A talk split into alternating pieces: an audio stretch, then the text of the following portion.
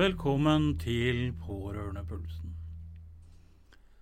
Dette er podkasten for trygge tjenester, og mitt navn er Jørn Terje Hømannberg.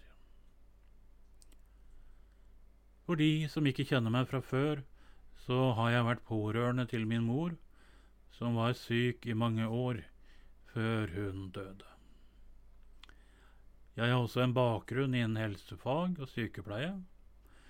Og vil du høre min historie, så ligger det en link i blogginnlegget vårt. I dag så dukker vi ned i et tema som kanskje ofte blir oversett, men som kan ha stor innvirkning på hverdagen vår, nemlig tankefeller. Og disse mentale snarveiene de kan virke uskyldige, men i en pårørendes liv, hvor stress og følelser ofte styrer, så kan de ha stor betydning. Så hva er egentlig en tankefelle? En tankefelle er en mental felle vi kan gå rett inn i uten å tenke oss om. Og de dukker opp når vi tolker ting rundt oss, som hva folk sier, hvordan de oppfører seg, eller hvordan vi oppfatter oss selv.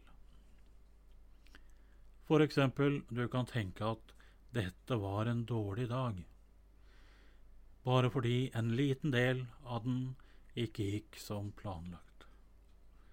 Men kanskje ved å stoppe opp og tenke etter, så kan du innse at resten av dagen faktisk ikke var så verst. Og som pårørende, med alle ballene vi ofte prøver å holde i luften, er det ekstra lett å falle i disse fellene. Kanskje du tenker 'jeg er ikke god nok til å ta vare på mamma eller pappa', basert på et lite øyeblikk der ting ikke gikk som du håpet. Eller kanskje du tolker et ord eller en gest fra noen i helsevesenet som en kritikk av din innsats. Og nå skal jeg gå gjennom de vanligste tankefellene som kan dukke opp. Det første er det vi kaller en nedvurdering av det positive. For vi er ofte vår egen verste kritiker. Og du gjør kanskje mer enn noen kunne forlange, men tenker det var jo bare det jeg måtte. For det andre så har vi svart-hvitt-tenking.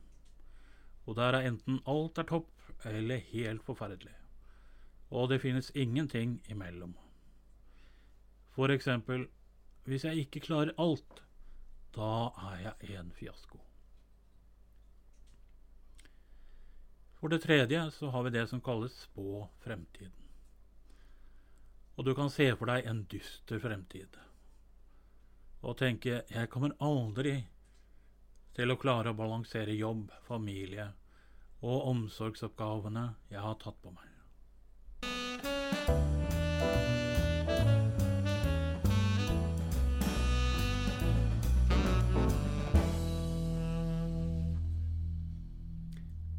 Og det fjerde er det som kalles tankelesing. Det er rett og slett du tror du vet hva andre tenker. For eksempel legen synes sikkert jeg er en håpløs pårørende. Det femte kalles følelsesmessig resonnering, og det vil si at du tror at fordi du føler noe, så må det være sant.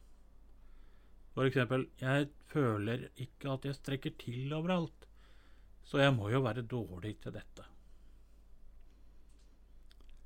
For det, for det sjette har vi det som kalles negativ forenkling, hvor små ting får stor betydning.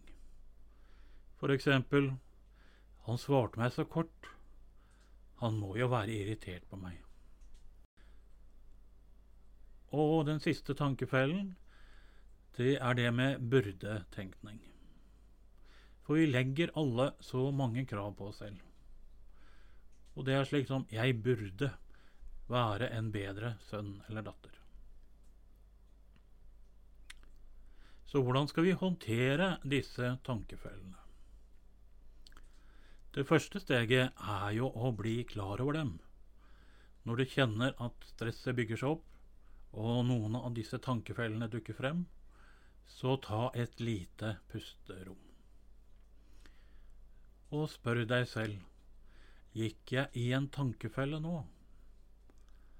Kanskje kan det finnes andre måter å se ting på?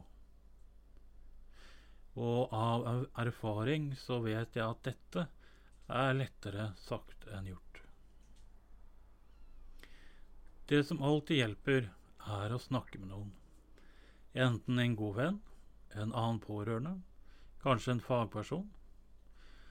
Å dele tankene dine kan ofte gi deg et helt nytt perspektiv. Og det er en av grunnene til at det er så viktig å ta vare på nettverket ditt som pårørende. For du kan trenge en sparringspartner for å oppdage perspektivene.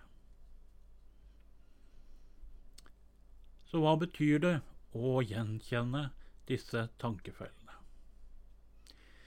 For oss som pårørende så er det jo i grunn essensielt å både kjenne igjen og utfordre disse tankefellene.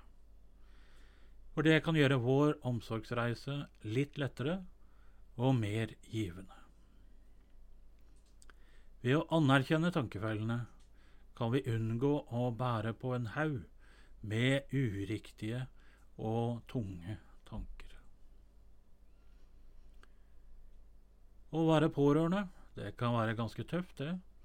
Og det er helt normalt å falle i tankefeller nå og da. Men ved å bli klar over dem og utfordre dem, kan du finne en bedre balanse og mer tilfredshet i din omsorgsrolle.